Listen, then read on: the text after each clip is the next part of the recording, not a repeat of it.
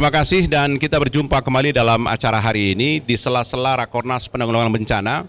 Kami menghadirkan talk show khusus untuk membahas tentang kebencanaan di Indonesia. Langsung disiarkan di gedung BNPB di wilayah Sentul, Jawa Barat. Saya Maulana Starto menyapa Anda di seluruh tanah air, khususnya di Bogor, Sukabumi, Depok, dan Cianjur. Dan hari ini kita akan menghadirkan obrolan mengenai beberapa hal soal penanggulangan bencana. Karena sudah dimulai beberapa diskusi panel mulai dari akademisi, praktisi, dan teman-teman BNPB seluruh Indonesia yang sudah menyampaikan beberapa hal, termasuk riset-riset yang nanti kita akan coba obrolkan bersama. Bagi Anda yang ingin berinteraksi dengan kami di sosial media, bisa Anda sampaikan juga di sosial media RI Bogor, dan juga Anda bisa sampaikan juga nanti bersama kami untuk kami langsung tanyakan ke narasumber kami. Dan saat ini saya sudah bersama dengan narasumber kami langsung di gedung BNPB. Yang pertama adalah Bapak Lili Kurniawan STMSI, Deputi Pencegahan BNPB, kemudian uh, eh, Dr. Harkunti P. Rahayu, Ketua Umum Ikatan Ahli Kebencanaan Indonesia atau IABI. Selamat pagi Bapak Ibu. Selamat pagi. Terima kasih sudah sempatkan waktunya karena di sela-sela kegiatan yang sangat padat. Karena kita sama-sama kejar-kejaran waktu sebenarnya kan gitu ya untuk bisa menghadirkan obrolan ini. Baik, um, tapi menariknya kalau kita bicara soal kebencanaan tuh Indonesia pasti akan selalu dikaitkan dengan negara yang uh, apa namanya bersahabat dengan bencana. Hampir mungkin banyak negara yang punya studi kasus ke kita karena mungkin paling kompleks. Tapi saya ingin tanya dulu Pak Lili, hari ini Rakornas penanggulangan bencana itu artinya bahwa BNPB jadi host. Tapi ya. apa sebenarnya yang yang menjadi concern sendiri bagi pemerintah ketika kita bicara soal penanggulangan bencana Pak Lili? Ya, uh, menarik sebenarnya penanggulangan bencana pada Rakornas tahun ini kita mengambil tema penanggulangan bencana urusan bersama. Artinya memang kalau kita mau menangani bencana tidak bisa sendirian. Hanya pemerintah sendiri atau BNPB sendiri juga tidak akan mampu. Kita mengajak semua pihak, maka eh, Rakornas ini adalah Rakornas penanggulangan bencana, bukan Rakornas BNPB begitu. Mm -hmm. Nah, kita berharap dengan tema yang tadi kita sebut penanggulangan bencana adalah urusan kita bersama, ini semua pihak ini mau dan mampu untuk diajak untuk bersama-sama bersinergi dengan BNPB karena BNPB ini dimandatkan oleh Undang-Undang 24 tahun 2007 untuk mengkoordinasikan masalah penanggulangan bencana di Indonesia. Nah, konsen kita yang paling utama adalah kita akan menekan sebanyak mungkin, sesedikit mungkin korban akibat bencana. Kita punya pengalaman. Berapa tahun terakhir ini korban-korban bencana terus meningkat. Hmm. Puncaknya di 2018. Dalam uh, lima tahun terakhir ini. Nah, kita mencoba untuk menekan lagi, jangan sampai nanti ada ada bencana, kemudian korbannya banyak lagi. Hmm. Nah, ini yang kemudian uh, kita harus mencari akar masalahnya, kemudian kita cari solusinya. Yeah. Nah, caranya gimana? Caranya pada hari ini, tanggal 3 Februari ini, kita mencoba untuk membuat enam panel. Panel pertama kita akan bicara mengenai manajemen bencanaan. Sehingga kita tahu akar masalahnya di mana. Kemudian kita cari solusinya seperti apa. Panel kedua terkait dengan ancaman geologi. Ada gempa bumi, ada tsunami, kemudian ada erupsi gunung api. Kita juga hal yang sama, cari masalahnya apa, solusinya seperti apa. Panel ketiga kaitannya dengan hidrometeorologi yang eh, kemarau begitu. Jadi di situ ada kebakaran hutan dan lahan, kemudian yeah. ada kekeringan. Yeah. Panel keempat ini hidrometeorologi yang basah. Ini ada banjir, banjir bandang, tanah longsor, erupsi dan sebagainya. Kemudian yang kelima, panel kelima ini kaitannya dengan masalah yang ada di sekitar kita, masalah limbah, masalah gagal teknologi, masalah penyakit. Nah ini yang akan kita bicara. Dan yang keenam ini yang menarik lagi adalah kita mengajak peningkatan kapasitas itu dimulai dari keluarga. Nah, makanya BNPB mengeluarkan program namanya Keluarga Tangguh Bencana. Nah ini yang ada enam panel yang menarik di sini. Ya. Kemudian kita susun bersama-sama, duduk bersama dengan semua pihak. Kemudian besok kita akan bacakan hasil ya. rumusannya. Tapi begini, yang menarik adalah tadi disampaikan bahwa tren dari tahun ke tahun itu jumlah korban akibat bencana alam di Indonesia itu terus meningkat dan puncaknya di 2018. Kita ingin tahu sebenarnya apakah memang korban itu uh, terjadi karena memang bencana yang lebih besar dibanding sebelumnya atau justru memang ketidaksiapan masyarakat kita untuk menghadapi bencana sehingga resiko mereka terdampak bencana lebih besar itu uh, teridentifikasi lewat data-data itu, Pak Lili. Iya, jadi kalau kita bicara mengenai data itu ternyata tidak ekuivalen dengan jumlah korban. Okay. Ada kejadian-kejadian yang banyak, tetapi memang uh, tidak terlalu besar begitu. Hmm. Tapi di 2018 kita punya tiga kejadian besar. Kita mungkin ingat yang pertama adalah uh, gempa bumi di Nusa Tenggara Barat, yeah. di Lombok dan sekitarnya. Kemudian setelah itu ada gempa bumi yang disusul oleh tsunami dan likuifaksi di Palu dan di sekitarnya. Palu. Dan di akhir tahun 2018 kita mengalami namanya silent tsunami yang ada di hmm. Selat Sunda. Ini ternyata korbannya yang membuat paling banyak. Oke. Okay. Nah, kemudian di 2019 tidak seperti itu. Hanya nanti di 2020 di awal Januari kita mungkin masih ingat ya kemarin ya. Ya, lebih dari 60 orang uh, saudara kita yang meninggal dan hilang karena okay. itu. Oke, okay, baik. Tapi saya, saya tentu ingin ke teman-teman IABI juga menanyakan karena memang seiring dengan sejalan tadi yang disampaikan, harapannya adalah literasi informasi mengenai kebencanaan juga harus sama dengan apa yang diharapkan. Ya. Artinya masyarakat juga harus toleransi dengan kondisi Indonesia, masyarakat juga harus antisipasi dengan kondisi kebencanaan dari teman-teman akademisi dan IABI misalnya, eh, apa sih kontribusinya misalnya ketika kita ditanya, apa dong kontribusinya ketika kita juga harus sadar bencana? Karena kadang-kadang kita disuruh sadar bencana tapi nggak tahu sama sekali sebenarnya apa yang sedang terjadi di tanah air kita. Silakan Bu. Oke, terima kasih Mas Maulana. Kebetulan uh, kita teman-teman IABI itu ada sekitar 300 ya yang mewakili dari akademisi, peneliti, kemudian prekayasa bahkan praktisi. Nah, yang ingin saya sampaikan di sini sebetulnya kita ini tidak silo di mana masing-masing pemeran ini ya sebetulnya kita saling blend di dalam wadah ini. Cuma ada satu isu yang penting di sini adalah bagaimana kontribusi kita bisa bersinergi dengan pemerintah yang disampaikan oleh Pak Lili tadi, uh-huh. yaitu banyak penelitian-penelitian sebetulnya yang dilakukan oleh teman-teman di keempat elemen dari IABI ini yang sebetulnya bisa dikatakan tingkat dunia ya gitu. Hmm. Nah, cuma yang jadi masalah sering kali penelitian-penelitian ini tidak langsung bisa diterapkan atau menjadi bahan atau menjadi dasar untuk perencanaan bahkan menjadi kebijakan. Isu penting ya sebetulnya. Jadi kalau kita meminta kita sadar terhadap bencana, sebetulnya nomor satu yang perlu kita ketahui adalah knowing your risk tanpa masyarakat tahu di mana risiko yang dihadapi oleh di suatu kawasan akan sulit ya. meyakinkan yeah. mereka kecuali masyarakat-masyarakat dari daerah yang sudah mengalami bencana akan mudah. Itu kan sama dengan meyakinkan hmm. bahwa perubahan iklim itu ada atau enggak kan ya, gitu ya karena betul. kenaikan suhu satu setengah dua derajat bagi masyarakat awam nggak Betul. begitu berpengaruh sebenarnya. Ya. Tapi itu ada kan gitu? Ada, sama dengan sea level rise hanya satu senti sampai 3 cm per tahun nggak kelihatan. Ya, Tapi kalau kita akumulasi, kita proyeksikan dalam 50 tahun dampaknya akan kelihatan. Hmm. Dan apalagi kalau kita bicara tadi disampaikan Pak Lili, perubahan iklim misalnya. Ini perubahan iklim nggak main-main ya. Sebetulnya dampaknya tidak hanya pergeseran musim, hmm. kemudian perubahan suhu, perubahan muka air laut, tapi juga terkait dengan perubahan-perubahan yang terkait dengan ancaman-ancaman biologi seperti penyakit dan sebagainya. Ini yang perlu kita siasati juga. Hmm. Nah, banyak teman-teman kami yang melakukan penelitian ini masih silo. Jadi masih dalam bentuk publikasi yang tidak disinergikan dengan pemerintah. Pemerintah dalam hari ini bisa sebetulnya multi level ya, pemerintah pusat, pemerintah daerah dan juga pemangku kepentingan lain di dalam pentahelix. Misalnya bisa kita berkolaborasi nih misalnya dengan media RRI. Mm -hmm. Kita secara rutin mungkin bisa me, apa men-share penelitian-penelitian sebetulnya uh, peneliti juga bisa menggunakan bahasa-bahasa publik. Yeah, nah, betul. kita juga bisa dengan melakukan talk show dengan RRI misalnya juga melatih peneliti-peneliti untuk bisa mensosialisasikan hasil-hasil penelitian yang tadi, tadi kan hasil ya, penelitiannya hmm. kan banyak, ya, tapi betul. belum apa namanya hmm. terimplementasi untuk menjadi menjadi sebuah bagian dari sebuah kebijakan. Ya, Tentu ini, pertanyaannya betul. adalah dasar teman-teman melakukan penelitian itu apa sebenarnya? Uh, begini apa Pak, memang... sebetulnya ada ukuran-ukuran yang kita perlu melihat. Jadi sukses suatu penelitian itu dari sponsor biasanya mengukur dengan TRR tingkat yeah. dari uh, apa indikator ya untuk penerimaan dari uh, level dari penerimaan ini.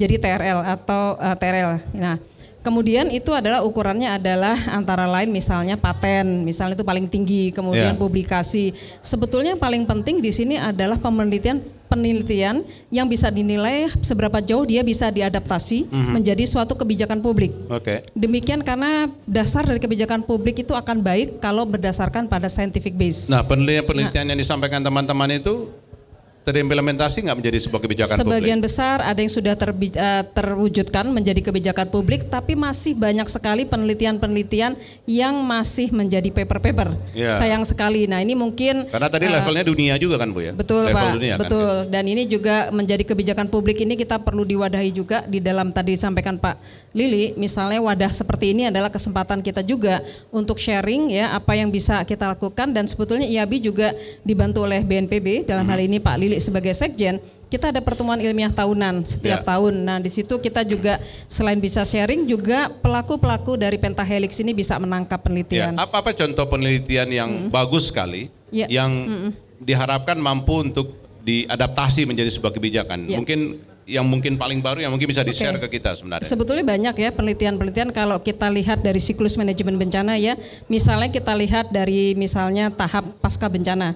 Emergency response banyak sekali di sini misalnya temuan-temuan dari teman-teman misalnya terhadap bagaimana desain dari hunian sementara. Ya. Ya, itu juga yang menarik dalam waktu cepat, murah dan aman ya, aman terhadap bencana misalnya dari sisi ketahanan terhadap api, banjir dan sebagainya. Kemudian misalnya untuk tahap rehab rekon, di sini banyak penelitian yang terkait dengan bagaimana new material atau material maju yang bisa diimplementasi di dalam konstruksi bangunan.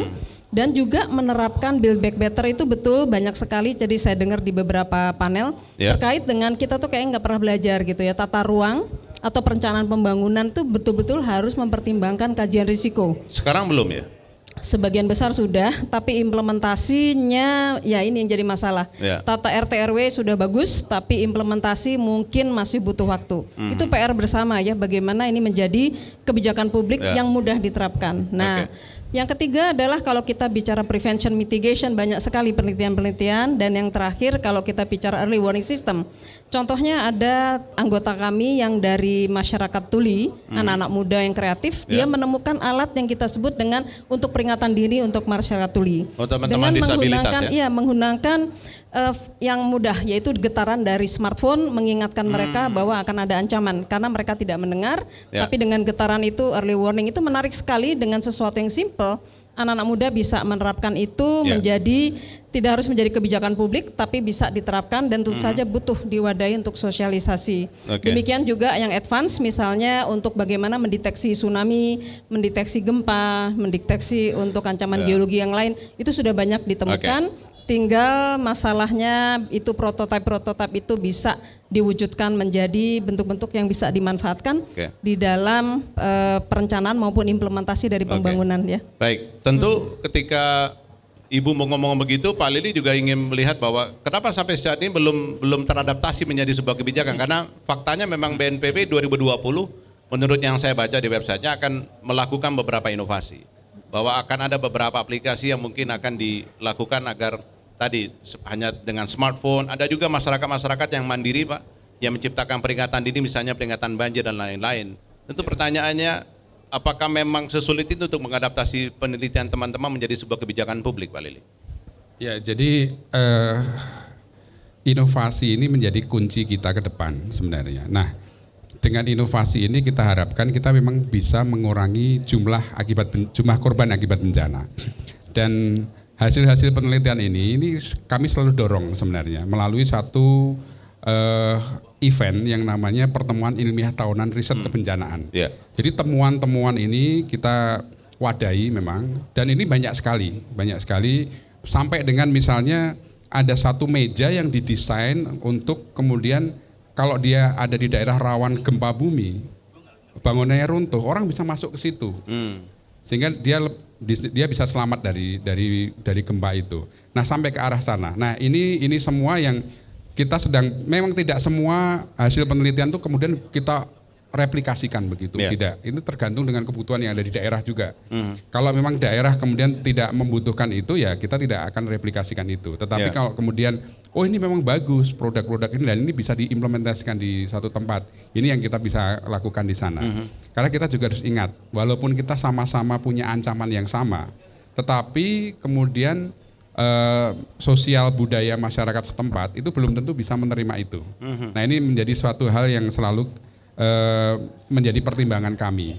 Tapi tentu saja kami terus mendorong nih soal penelitian, inovasi, kreativitas ini selalu uh, kita kita dorong sampai dengan uh, nanti kita akan uh, punya satu mekanisme di mana penelitian ini bisa kita gunakan, bisa Ya. kita replikasikan. Betul, karena kan sayang aja misalnya penelitian-penelitian bagus itu Ya. nggak jadi apa-apa di negara kita nanti malah akan diaplikasikan Negara lain. negara lain misalnya. Kan hari ini kita juga bicara soal Betul green sekali. building dan sebagainya. Padahal sekali. adalah penelitian dari teman-teman IABI soal apa raw material yang memang lebih ramah lingkungan, lebih tahan gempa, lebih antisipasi terhadap banjir. Itu nggak bisa jadi kebijakan yang bersifat umum Pak Lili atau BNPB supaya orang tahu juga perannya sampai mana atau mungkin bukan BNPB yang menentukan sebuah kebijakan publik itu. Ya, stakeholder. jadi eh, pengguna ini memang akhirnya banyak ya. Jadi misalnya teknologi yang atau inovasi yang kemudian diciptakan untuk sekolah. Ya. Ya kami mendorong dari Kementerian Pendidikan untuk menggunakan mereplikasikan itu.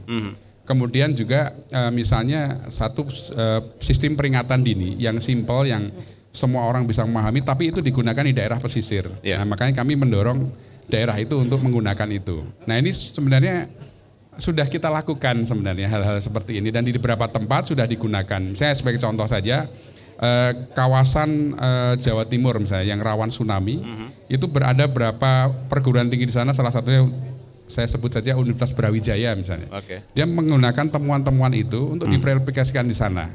Ini sudah dilakukan. Oke. Kemudian eh, tadi disebutkan misalnya eh, para ahli menyampaikan terkait dengan patahan lembang, ada sesar lembang yang dulu mungkin tidak digubris misalnya gitu. Sekarang sudah mulai diperhatikan di situ Betul. dengan kita eh, mensosialisasikan dengan baik. Apakah itu nanti dari dari bentuk edukasi atau kegiatan-kegiatan lain yang terkait dengan itu. Nah ini sebenarnya sudah sudah dilakukan beberapa, tapi memang belum semua seperti tadi Bu Arikunti sampaikan tadi karena memang banyak sekali temuan-temuannya dan menarik semua. Ya itu dia. Terus terus bagaimana? Karena memang tadi dis- punya keterbatasan juga di stakeholder, maka kebutuhan tiap-tiap tempat berbeda, Bu. Ya. Walaupun potensi ancaman bencananya sama, tapi tiap-tiap tempat berbeda jenis jenis bencananya dan bagaimana cara menghadapi. Belum lagi kita diharapkan pada lokal wisdomnya, Ya. kan gitu ya, kultur setempat. Itu bagaimana teman-teman? Jadi saya nambah ini yang disampaikan Pak Lili, memang suatu penelitian itu bisa diterima menjadi kebijakan tuh ada syaratnya. Ya. Pertama secara sosial dia diterima, secara ekonomi bisa diterapkan, dan secara politis. Nah ini yang paling berat nih dua nih ekonomi dan politis. Gitu ya. Nah jadi jangan sampai justru yang saya juga sering menghimbau kalau kita sering diskusi dengan teman-teman bahwa kita itu harus bisa bicara dengan bahasa awam. Iya. Jadi kalau bahasa dewa penelitian nggak akan menyentuh. Jadi seperti menara gading ya. Iya, Jadi betul. tadi memang betul yang disampaikan Pak Lili, kita banyak penelitian-penelitian menarik ya sebetulnya. Tapi perlu dikaji ulang tentang apakah bisa diterima langsung secara sosial, secara ekonomi, secara politik. Hmm. Itu yang paling penting. Nah ini tentu saja harus kita ada partisipasi dari Pentahelix Pak. Enggak, sebelumnya Iya. kenapa ekonomi dan politik menjadi susah? Iya, ekonomi kan nilai ekonomi Pak. Kalau mahal dan tentu saja apakah menjadi prioritas bagi Pentahelix? Misalnya kalau kita bicara pemerintah, Ya. tentu saja pemerintah bisa bekerja sama dengan pihak swasta. Contohnya aja sistem peringatan dini, kalau yang di downstream itu bisa dilakukan oleh masyarakat berkolaborasi misalnya dengan provider-provider. Ya. Ya. Tapi kalau di upstream itu teknologi yang apa? Teknologi maju, tetapi juga cost benar, cost sekali ya. Jadi sangat mahal. Costly sekali ya. Uh, very costly ya karena memang alat itu sangat sulit ya. Tentu saja ini butuh juga ada wadah apakah pemerintah, apakah pihak Ya, swasta. artinya kan kalau downstream Mungkin- misalnya masyarakat bisa, tapi upstream udah udah nggak bisa ditawar-tawar bahwa itu memang harus negara yang Iya, biayain. mungkin pengalaman saya pribadi ya, saya melakukan penelitian dengan beberapa teman di sini ITB, BPPT, kemudian kita ada Andalas University dan dengan partner dari Amerika. Sponsor kita itu justru unik siapa Pak? Eh, justru di sini apa eh, salah satu asuransi dunia. Dia mau mendanai penelitian-penelitian canggih ini dan ini menarik ya bagaimana asuransi sendiri juga tertarik gitu ya untuk mendanai penelitian dalam hal ini very costly ya mahal sekali dan karena mereka melihat manfaatnya di dalam eh, alat deteksi demikian juga untuk monitoring sehingga bisa memberikan masukan ke pering- melengkapi sistem peringatan dini tsunami khususnya di Indonesia. Enggak, apa pen- apa pentingnya bagi perusahaan asuransi ya misalnya ya? Iya. Ma- Masa perusahaan asuransi jauh menganggap itu lebih penting dibanding negara menganggap itu lebih penting? Mereka kan punya Pengalamannya peta. gimana? Ini saya juga surprise ya. Kenapa waktu kami mengajukan pihak asuransi nih Pak Lili, jadi dari contohnya Zurich Re dia tertarik untuk mendanai. Iya. Dan bahkan mereka melihat Indonesia itu salah satu negara yang rawan terhadap bencana geologi. Oke. Kalau melakukan intervensi ini tentu saja dengan peringatan dini makin banyak masyarakat yang selamat ya seperti itu. Nah masyarakat selamat tentu saja mereka nggak akan rugi nggak banyak klaim. Jadi investasi, jadi pengurangan risiko bencana juga merupakan investasi bagi mereka sehingga ini kalau saya menangkap ya kenapa pihak-pihak swasta juga tertarik. Saya berharap sebetulnya hal-hal seperti banjir juga peran swasta juga dilibatkan ya Pak Lili ya, dalam hal ini. Nah ini kalau pengalaman saya pribadi yang high cost sendiri eh, pihak swasta mau mendanai tentu saja yang teknologi-teknologi low cost ini akan mudah sekali bisa dilakukan atau partisipasi dari masyarakat. Oke. Ya, Ka- ap- Kalau politik apa yang Wah politik ini bukan bidang saya ya tentu Tapi saja. nggak ada pengalaman soal itu bahwa ada dua hal yang paling sulit Iya. secara ekonomi dan secara politik. Kalau ekonomi pastilah bahwa very costly itu yang menjadi masalah Iya karena betul. memang Secara mahal politik kan terkait teknologi. dengan prioritas ya tentang Oke. prioritas. Apakah kebencanaan menjadi prioritas di dalam eh, pembangunan? Tentu saja dengan banyak ujian dari alam sendiri, Ya. saya lihat juga sudah mulai menjadi prioritas. Ini yang paling penting ya. Oke. Jadi bagaimana prioritas di dalam suatu kebijakan pemerintah baik pusat maupun daerah ini melihat ini penting itu. Jadi kalau saya lihat Oke. dari sisi politik ya, jadi prioritas seperti itu.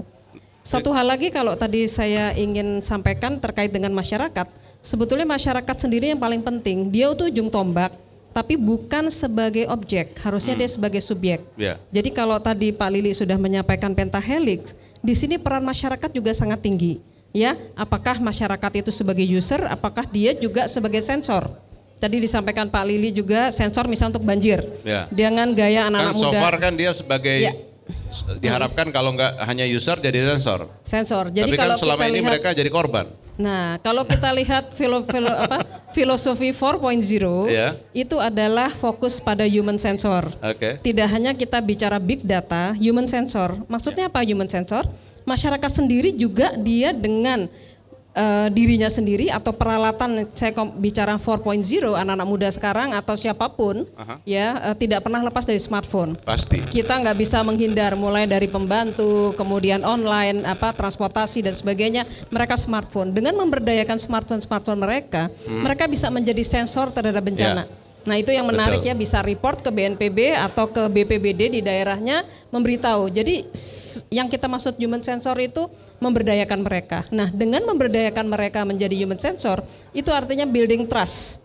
Masyarakat diberi kepercayaan bagian dari penanggulangan bencana sehingga ya insya Allah saya pikir ke depannya berita-berita yang tidak baik misalnya Ya. hoax di dalam sosial media juga akan berkurang karena partisipasi dari masyarakat itu itu kalau Baik. saya pikir ya. Baik. Pak, Pak Lili dengan tadi yang sampaikan, saya ingin dapat jawaban Pak Lili juga ke bicara ekonomi dan bicara politik. Dari sisi pemerintah apakah memang seberat itu? Karena BNPB juga kalaupun harus me- apa mengadaptasi berbagai hal, harus berhadapan juga dengan dua hal itu kan gitu. Untuk meyakinkan bahwa this is very important dan ini harus penting dan harus di- segera diimplementasikan Pak Lili. Ya, untuk mengarah ke sana, secara politik ada dukungannya, secara ekonomi juga ada. Ini kita memang mulai dengan tadi memperkenalkan bahwa penanggulangan bencana urusan bersama. Ya. Ini kita mulai. Dan yang paling penting dari urusan semua itu adalah masyarakatnya. Karena tadi kami sampaikan di awal Ya. bahwa apa sih tujuannya? Kita akan menekan jumlah korban akibat bencana. Apa artinya? Artinya apa yang kita lakukan apakah dengan teknologi-teknologi yang tadi disebutkan Bu Harkunti tadi itu kemudian sampai enggak ke masyarakat. Jangan sampai kemudian masyarakat ternyata tidak butuh itu Iya. atau tidak sampai ke mas bahkan tidak sampai ke masyarakat. Kita misalnya bicara mengenai teknologi yang kaitannya sekarang eh, kebijakan-kebijakan lebih banyak bicara mengenai sistem peringatan dini misalnya. Betul, betul. Nah, sistem peringatan dini yang seperti apa? Ini yang yang kita harus pahami betul sebenarnya. Karena jangan sampai peringatan dini yang dimaksud adalah high tech yang ini semuanya alat-alatnya canggih dan memberi bisa memberikan informasi pada masyarakat secara langsung. Tapi kalau itu dilakukan kemudian masyarakat tidak bisa menerima informasi itu bahkan lebih cilaka lagi dia tidak mau merespon dari informasi itu. Akhirnya tidak ada manfaatnya itu karena korban pasti akan tetap terjadi. Betul. Jadi eh, kalau kemudian kita bicara penanggulangan bencana, walaupun nanti eh, kita punya masalah, saya terkait dengan kebijakannya, terkait dengan masalah politik tadi, tapi tetap masyarakat ini menjadi lokus kita, menjadi fokus kita. Mereka lah yang kemudian secara end to end harus mendapatkan manfaat da, dari dari itu. sekian lama dilakukan identifikasi maka sejak sejauh ini hipotesanya BNPB teknologi yang bagaimana yang dibutuhkan masyarakat sekarang. Jangan-jangan tadi yang disampaikan sebegitu canggihnya penelitian teman-teman padahal sebenarnya belum butuh sampai ke arah sana sehingga ter- terkesan bahwa nggak ada dotasi padahal BNPB tahu bahwa kebutuhan masyarakat sebenarnya hanya di level itu sebenarnya. Ya, kalau kita lihat ya, sekarang kita coba petakan kebutuhan masyarakat akan bencana itu apa. Yang pertama, dia harus terpapar dengan informasi. Jadi informasi itu harus sampai ke masyarakat. Kita mulai dari eh, keluarga misalnya. Ya. Dia harus tahu rumah mereka ini eh, apa ancamannya. Kalau dia ada tinggi, di pinggir pantai yang ada selatan Jawa misalnya, oh jelas dia rawan tsunami. Kalau dia rawan tsunami, so what gitu. Apa yang harusnya dilakukan oleh keluarga itu? Yang kedua, tentu saja pengetahuan itu yang dibutuhkan oleh mereka. Setelah mereka tahu informasi itu, dia harus punya pengetahuan untuk apa? Untuk menyelamatkan diri. Sehingga kalau nanti dia mendapat informasi dari pemerintah, kalau tadi kasus tsunami tadi dari P- dari BMKG sampai ke mereka, mereka bisa merespon itu dengan baik. Oke. Ya. Yang ketiga, mereka butuh support baik dari pemerintah maupun pemerintah daerah maupun pihak-pihak lain yang bisa membantu Oke. mereka. Misalnya seperti contohnya apa? Mereka harus evakuasi ke tempat yang lebih tinggi, ke tempat yang lebih aman. Ya. Dia butuh sarana prasarana jalan misalnya. Nggak mungkin masyarakat bikin jalan sendiri. Gitu. Ya, Nah, mereka pasti. butuh dukungan. Kemudian yang keempat adalah mereka butuh semacam simulasi, semacam training yang dibutuhkan oleh mereka sehingga mereka secara sadar, secara mandiri bisa melakukan itu. Ya. Kita menyebutnya evakuasi mandiri. Jadi kalau kita mau evakuasi nggak perlu disuruh-suruh oleh BNPB nggak perlu nyuruh gitu.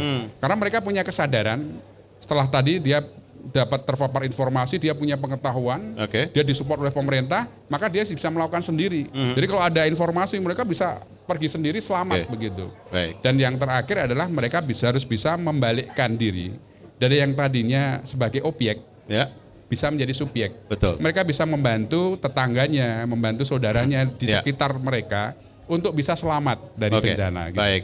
Eh, Pak Lilian dan Bu Harkunti nanti kita akan lanjutkan karena setelah ini saya ingin menanyakan mengenai peran dari BPBD karena penting juga karena sekali lagi kalau ketika bencana itu yang orang paling sering maybe di media yang paling sering diberitakan itu BNPB, Pak Lilian dan kawan-kawan. Tapi di sana jangan lupa ada BPBD yang akan kita bahas setelah ini tetap bersama kami di perbincangan kali ini. Perombat FM Ensiklopedia Budaya Keindonesiaan Hai sahabat budaya saatnya bergabung di Halo Nusantara bersama JJ Dan kali ini aku akan mengenalkan sahabat budaya dengan salah satu penyanyi pemulangan mereka begitu ini bukan lagi kewajiban dari negara Indonesia karena uh, ada dasar hukumnya bahwa mereka tidak lagi WNI. Bahkan mungkin sekarang kita harus menyebutnya ex WNI, ex ISIS begitu ya. Hai hai hai, selamat pagi sahabat kreatif di Pro 2 FM Network seluruh Indonesia. Ketemu lagi barengan sama aku Desi Aldiana tentunya di Morning Live Chat. Kita kedatangan tamu spesial yang setelah berapa tahun ya mereka ada di industri musik Indonesia. Sekarang kita ngobrol-ngobrol barengan sama Stars and Rabbit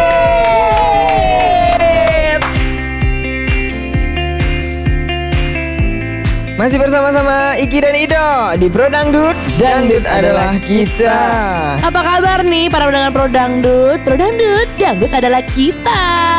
Uh, udah kalau udah denger kayak gini, udah tahu dong siapa gitu yang siaran kan? Ini Nabila Gomez lah, mau siapa lagi?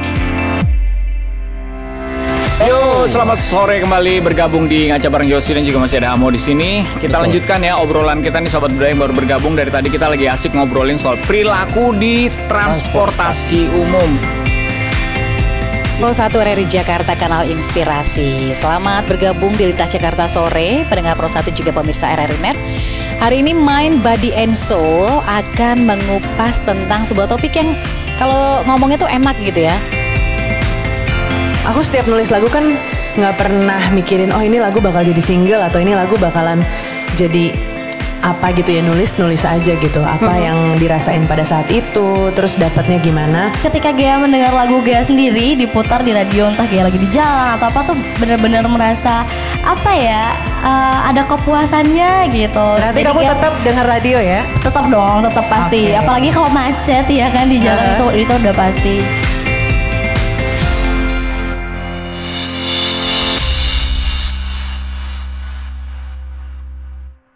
Anda masih bersama kami di perbincangan kali ini. Tadi di sesi sebelumnya kita bicara mengenai bagaimana teman-teman akademisi dan lain-lain juga punya peran penting. IAB dan juga BNPB juga sudah menyatakan bahwa memang bencana itu bukan urusan BNPB aja, bukan urusan Kementerian Sosial saja, tapi urusan semuanya. Artinya kita punya tanggung jawab yang sama. Saya ingin sampaikan lagi saat ini saya bersama dengan eh, Pak Lidi Kurniawan, Deputi Pencegahan BNPB dan juga Dr. Harkunti Rahayu, Ketua Umum Ikatan Ahli Kebencanaan Indonesia atau IABI.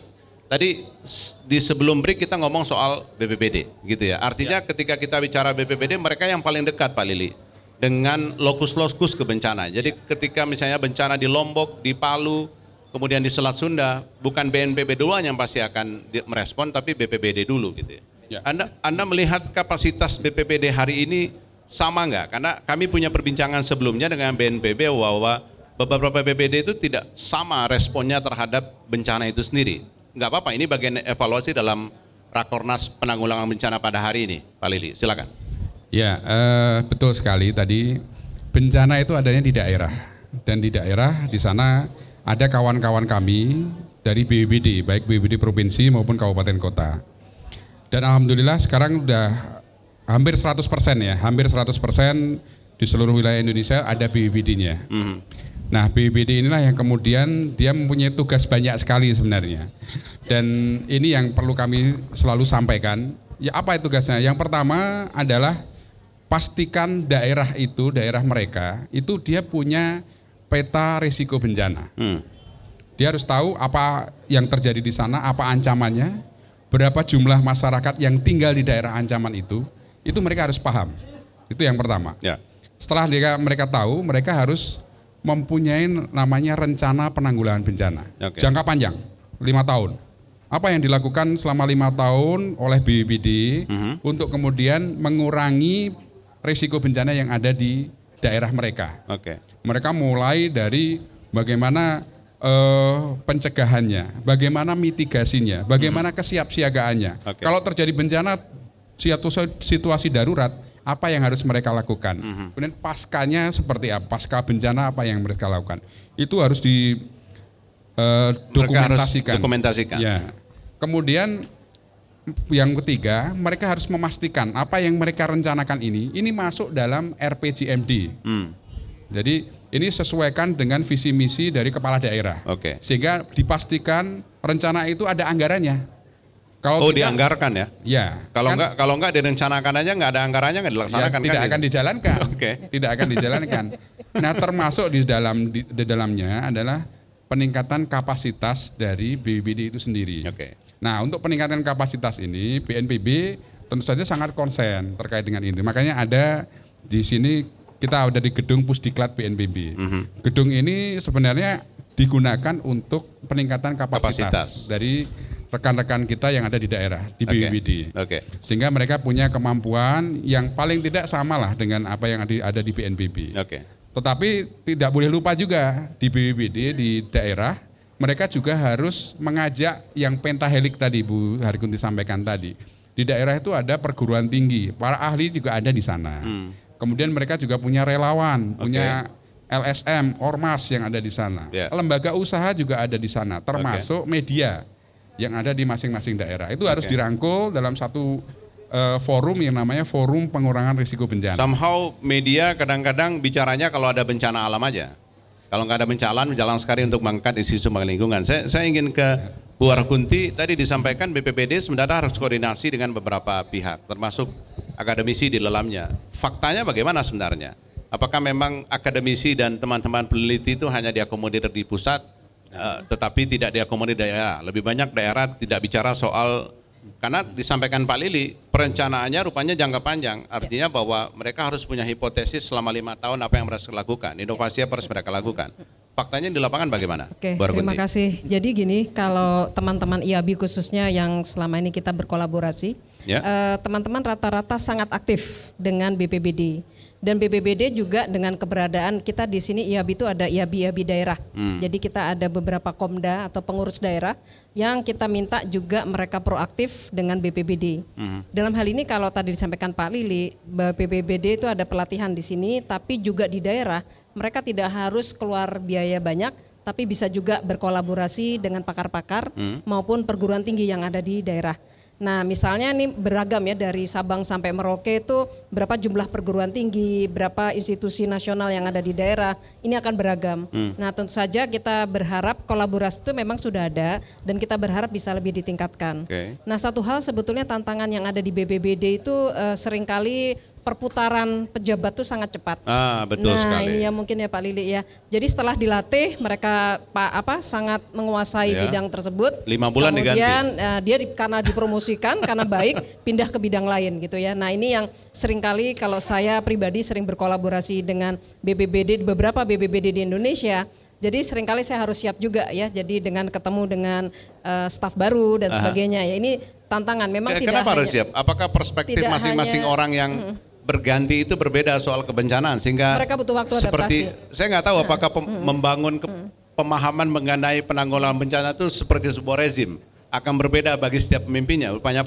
bukannya pakemnya sama kan gitu ya Harusnya sama sih Pak, tapi sebetulnya ini masalah bukan karena perubahan. Mereka butuh waktu untuk adaptasi. Hmm. Dan ini makanya secara rutin saya terima kasih juga ini BNPB banyak membantu di dalam pertemuan-pertemuan ilmiah maupun pertemuan-pertemuan apa eh, relawan ya di dalam penanggulangan bencana. Mereka selalu dilibatkan. Hmm. Minimal dengan membiasakan itu mereka menjadi biasa ya. Ini Oke. yang paling penting. Jadi kalau beberapa isu yang terkait dengan bagaimana penguatan kapasitas di BBBD, jelas ya dari Sabang sampai Merauke tantangannya berbeda. Mhm. Untuk daerah-daerah yang sudah mengalami tentu awarenessnya sangat tinggi, tetapi juga yang belum mengalami tadi disampaikan Pak Lili, selama mereka sudah punya peta risiko, itu awarenessnya cukup tinggi. Nah, yang menjadi Ah, challenge hampir semua rata-rata sudah punya Ya. peta resiko hampir ya wajib ya. semuanya sudah punya ya Semua artinya karena- kalau kalau Eh. kalau kita tanya apakah mereka tahu ancaman di wilayah mereka harusnya sudah sangat tahu ya Mereka sudah tahu. Kalau kita bicara dengan BPPD dari Sabang sampai mereka, mereka sudah tahu. Oke. Yang mungkin yang menjadi tantangan mereka tadi disampaikan Pak Lili bahwa RPB-nya mereka tuh betul-betul masuk dalam RPJM. Hmm. Nah, kalau bicara RPJM ini kan ter- terkait ya. Kalau tidak masuk kan ya, itu artinya bahwa harus ada kesepahaman dengan pemerintah daerah kan ya itu kan BPPD bagian dari pemerintah ya daerah, mungkin Pak. saja ada beberapa Iya. stakeholder yang nggak oh, dia bagian pemerintah daerah tapi nggak menjadi prioritas kan gitu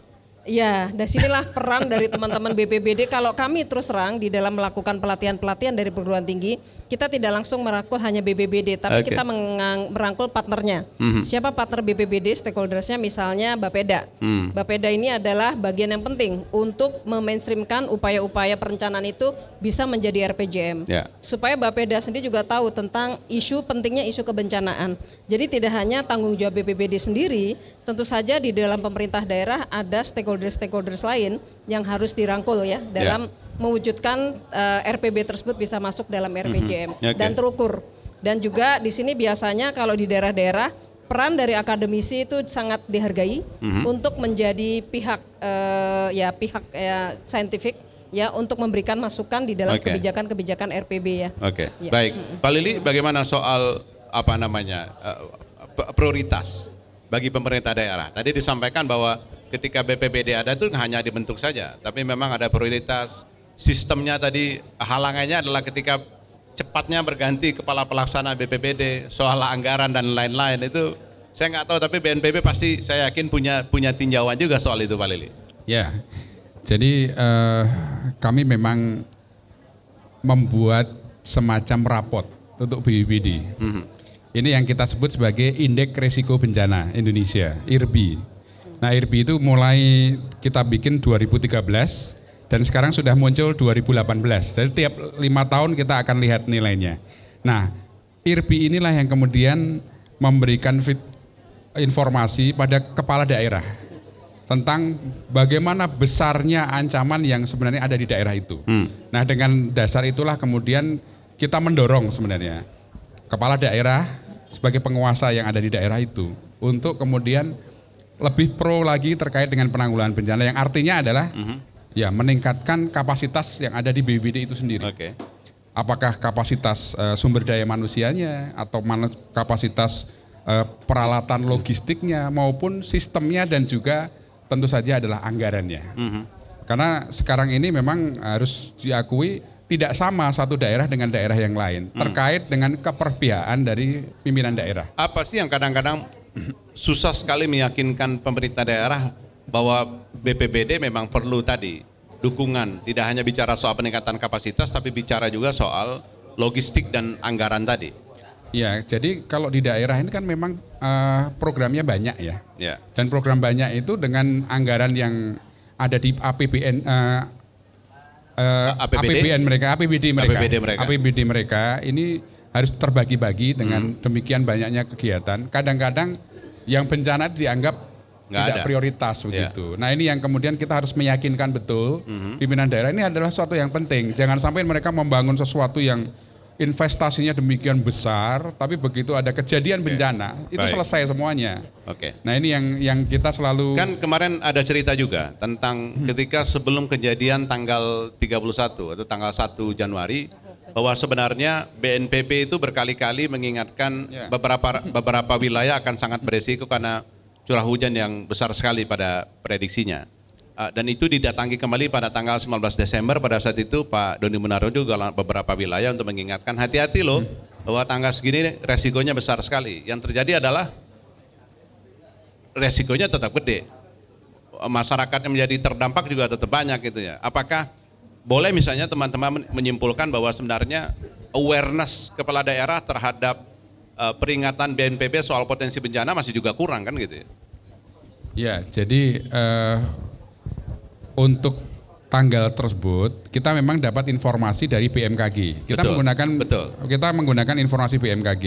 Nah, informasi BMKG itu yang kemudian harus diterjemahkan. Betul. Karena kalau kita hanya mendapatkan informasi tanggal sekian nanti ada curah hujan sekian di daerah sekian Oke. tanpa diterjemahkan untuk pemerintah daerahnya, untuk masyarakatnya, maka mereka tidak melakukan upaya-upaya yang signifikan. Mhm. Nah, sebenarnya mulai eh, November itu kita sudah lakukan dan tadi diceritakan memang kepala BNPB bisa langsung datang ke tempat eh, lokasi itu kemudian meyakinkan kepala daerah ini Anda harus melakukan ini loh, melakukan ini dan ini gitu. Supaya harapannya apa? Awareness, kesiapsiagaan tadi itu dilakukan oleh oleh pemerintah daerah melalui apa? Melalui banyak pihak. Walaupun di situ ada BPBD tapi ada OPD-OPD lain. Betul. Dinas-dinas lain yang juga terkait di situ. Oke. Dan kita berharap memang eh, kesiapsiagaan itu sampai ke level desa, kelurahan dan juga masyarakat itu paham betul mengenai itu. Jadi ini adalah ada belajar belajar dari kondisi itu sebenarnya awareness belum bisa kita katakan tinggi terhadap peringatan yang bolak-balik disampaikan oleh BNPB karena BMKG dan sebagainya tadi. Dari sisi pemerintah daerah, kita melihat beberapa daerah bagus karena mereka langsung mengambil langkah dengan melakukan rapat koordinasi ya. untuk kesiapsiagaan. Kati- Kami juga juga menghadiri itu untuk yang seperti itu dan Oke. mereka awareness itu itu mereka lakukan. Nah, hanya saja kemudian apakah itu sampai ke masyarakat, sampai ke detail sana atau tidak? Karena kan kita tadi sudah sepakati sebenarnya daerah itu kita sudah tahu nih Betul. ancaman yang rawan Betul. bencana itu mana, yang resikonya bencana itu ada di mana. Nah sebenarnya tinggal mematik saja Mhm. daerah-daerah ini harus disiapkan. Tapi kan yang namanya ukuran keberhasilan sebuah program itu akan dilihat dari output yang terakhir. Iya. Outputnya pasti adalah mengurangi jumlah eh, korban akibat bencana. Iya. Kan gitu ya. Iya. Kalau eh, BNPB mengatakan beberapa wilayah yang terkena misalnya DKI, Jawa Barat dan lain-lain jumlahnya masih tetap besar. Tentu orang akan bilang itu fail walaupun sudah disampaikan tetap fail gitu. Itu apakah jaminan kalau sudah lakukan rapat terus jumlah orang yang terdampak masih banyak? Terus gimana kita mengukurnya Pak Lili? Ya jadi kita harus pahami ya, makin hari itu jumlah eh, tempat-tempat yang resikonya resiko bencana Ya. ada di situ itu makin meningkat. Oke. Dan ini banyak sekali.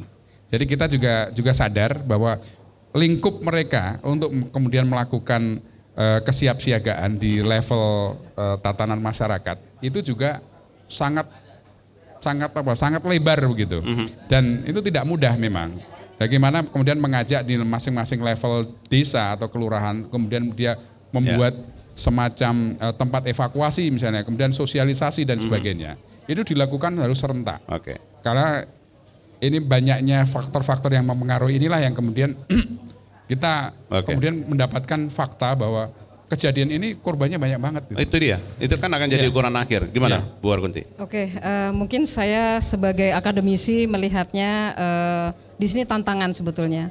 Setiap kejadian bencana itu menjadi PR yang besar buat kami dari akademisi peneliti ya dan perekayasa dan praktisi dalam hal ini adalah kita melihat eh, jadi tadi sudah disinggung oleh Pak Lili ya. Jadi peringatan dini cuaca itu kurang direspon oleh masyarakat betul. dibandingkan tsunami. Berarti ada sesuatu yang missing di sini yaitu SOP. Orang tuh nggak takut banjir dibandingin sama tsunami. Kalau tsunami udah nggak pakai babi bu, contohnya teman-teman di Padang, begitu gempa besar ada peringatan dini tsunami, evakuasi mereka otomatis. Ya. Karena mereka sudah tahu zona merah, zona ini dan mereka takut impactnya seperti apa. Nah kalau tentang cuaca ini mungkin tadi sudah ini menjadi PR yang besar ya Pak Lili buat kita. Kita bikin benar-benar SOP ini informasi peringatan dini sampai order for evacuation yang harus dikeluarkan oleh pemerintah daerah. Ya. Itu udah nggak pakai nawar lagi harus evakuasi ke mana karena banjirnya atau curah hujannya ekstrim. Betul. Nah, itu juga perlu kita terjemahkan menjadi suatu SOP yang mirip belajar dengan tsunami ya, tsunami warning system. Di mana di dalam tsunami warning system end to end-nya itu udah jelas. Ya. Nah, untuk banjir itu variatif sekali, variabelnya sangat banyak dari satu daerah ke daerah lain berbeda. Dan juga sistem kalau kita bicara banjir, banjir tuh kalau Jakarta tuh ada tiga macam, Pak. Pertama banjir lokal, lokal karena apa lokal banjir lokal Ya. itu akibat sistem drainase yang buruk. Demikian banjir yang kiriman atau overflow dari sungai karena kapasitas sungai yang rendah dan intensitas hujan tinggi. Oke. Yang ketiga banjir yang berasal dari laut, apakah dia tidal surge, apakah dia rob dan sebagainya. Jadi memang kompleks kalau kita bicara sebetulnya tidak hanya Jakarta, kota-kota di pesisir utara Jawa mengalami hal yang sama. Tadi disampaikan Pak Lili urbanisasi sudah sedemikian tingginya, penggunaan air tanah yang berlebihan, land subsidence yang continuous sehingga daerah yang terpapar atau people at risk, masyarakat terpapar tuh makin banyak. Nah, ini PR ini harusnya disiasati apalagi kita sekarang udah ada ini ya. Di tim kami tuh kita ada misalnya bicara climate early warning system. Oke. Kita bicara tidak bicara harian, mingguan atau bulanan, kita bisa bicara Oke. tiga tahunan. Kapan musim basah? Nah itu pemerintah daerah harus siap belajar dari bencana banjir terutama di tahun baru kemarin. Oke. Ya. Atau, atau mungkin kita harus harus terapkan seperti yang di negara-negara maju setiap hari harus ada email yang masuk ke kita secara otomatis tentang kebencanaan dan lain-lain. Seperti misalnya di Jepang kita walaupun cuma nanti akan ada hujan ekstrim, nanti angkat jemuran Anda dan sebagainya mereka masukkan ke email. Saya pikir saya pikir itu menjadi menarik juga karena supaya orang nggak bicara bahwa tsunami aja yang berbahaya. Banjir kalau udah ekstrim Justru saya berbahaya. berharap dari RRI. Kalau email sering kali nggak dibaca ya. Kalau bilang. Kalau nggak kebanyakan WA email tuh nggak lah gitu dibaca. ya. WA. WA group itu paling- paling Kalau saya cepat lihat kan tuh gitu. sekarang short message lebih gampang diterima oleh masyarakat, nggak mau baca yang panjang-panjang. Ya. Mungkin kita berharap di sini peran dari teman-teman media bisa Ya. berkolaborasi Oke. dengan BMKG, BNPB dalam hal ini mensosialisasikan Oke. apa sih arti curah Baik. hujan ekstrim gitu ya. Baik, Ah, ah. Lili. Nah itu saya saya kira benar sekali. Jadi eh, kita memang harus mulai dari keluarga, dari diri sendiri. Ini memang harus menjadi satu budaya yang disebut Oke. dengan budaya siaga bencana. Oke. Jadi dengan informasi-informasi itu dia paham betul. Ah, kalau diinformasikan mengenai hujan sekian dan dia dia tinggal di daerah yang rawan banjir misalnya, maka dia sebenarnya sudah punya rencana. Masing-masing keluarga sudah punya rencana, masing-masing individu sudah punya rencana. Mereka nanti harus pergi ke mana, apa yang dibawa, Oke. misalnya dokumen-dokumen penting dan sebagainya. Mereka harus siap terkait dengan itu. Siapa yang harus dihubungi? Nah ini hubungannya dengan eh, pemerintah sebenarnya. Apakah Oke. pemerintah pemerintah daerah atau kelurahan yang ada di situ. Baik. Termasuk bagaimana kemudian bisa membaca peringatan tadi ini benar atau hoax misalnya. Hmm. Nah tentu saja semua ini butuh dukungan dari kawan-kawan dari media termasuk Oke. RRI tadi sehingga Siap. kita harapkan dengan memberikan edukasi seperti ini kita semua paham oh ini benar ini enggak enggak salah ini jadi saya yang harus saya lakukan adalah ini ini Oke. ini gitu. Ya, mudah-mudahan ini menjadi PR kita Ya. semua dan Ya. kita bisa lakukan ini ala kolaborasi antara akademisi, kemudian BNPB, stakeholder dan juga masyarakat. Tapi masyarakat jauh lebih penting sepertinya untuk bisa tahu sendiri. Ya. Anda harus kenali Indonesia adalah negara dengan rawan bencana. So siapkan diri kita kapan saja untuk bisa terhindar karena ukuran paling paling valid adalah berapa jumlah korban terdampak dari bencana kan gitu ya. Seberapapun informasi kita sampaikan kalau korban masih banyak ya. kinerja kita perlu kita pertanyakan. Gitu ya Pak Lili ya. Bu Arkunti ya. Terima kasih banyak sudah bersama kami di kesempatan kali ini sukses untuk Rakornas penanggulangan bencana. Bencana. Dengan tema apa tadi Pak? Penanggulangan bencana urusan bersama. bersama. Baik, kita akhiri perbincangan kali ini. Saya Maulana Starto. Salam tangguh, siap untuk selamat.